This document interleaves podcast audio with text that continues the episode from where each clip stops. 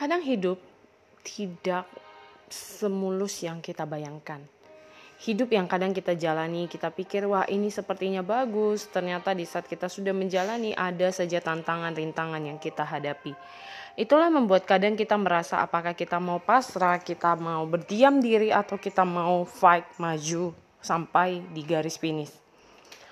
Hari ini saya ingin bercerita bagaimana pengalaman saya berbagi kepada anak-anak tingkat SD di mana mereka mengikuti sesi saya tentang how to achieve your dream.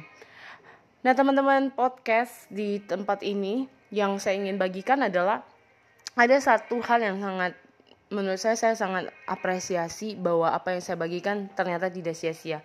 Jadi di di titik setelah selesainya sesi ini ada seorang anak mendatangi dan dia meminta izin kepada gurunya karena mereka akan lanjut kepada sesi berikutnya. Kemudian dia meminta izin untuk bertemu dengan saya untuk berbagi, bercerita dan berlalu bertanya istilah katanya. Nah, tahukah pertanyaan yang diajukan kepada saya? Miss, apa sih arti kegagalan buat seorang Miss? Saya kaget kenapa seorang anak kecil bisa bertanya dengan pertanyaan itu. Dan saya membalikkan pertanyaan, kenapa kamu bisa bertanya itu kepada Miss? Apakah mungkin kamu pernah mengalami kegagalan di dalam kehidupan kamu? Tidak sih Miss. Tapi yang saya alami adalah saya melihat dari cerita Miss selama sesi yang tadi Miss bawakan, Miss selalu menceritakan kegagalan-kegagalan. Namun saya berpikir kenapa di dalam kegagalan ini Miss masih mau berjuang, Miss mau melakukan, dan Miss masih mau fight untuk sebuah keberhasilan.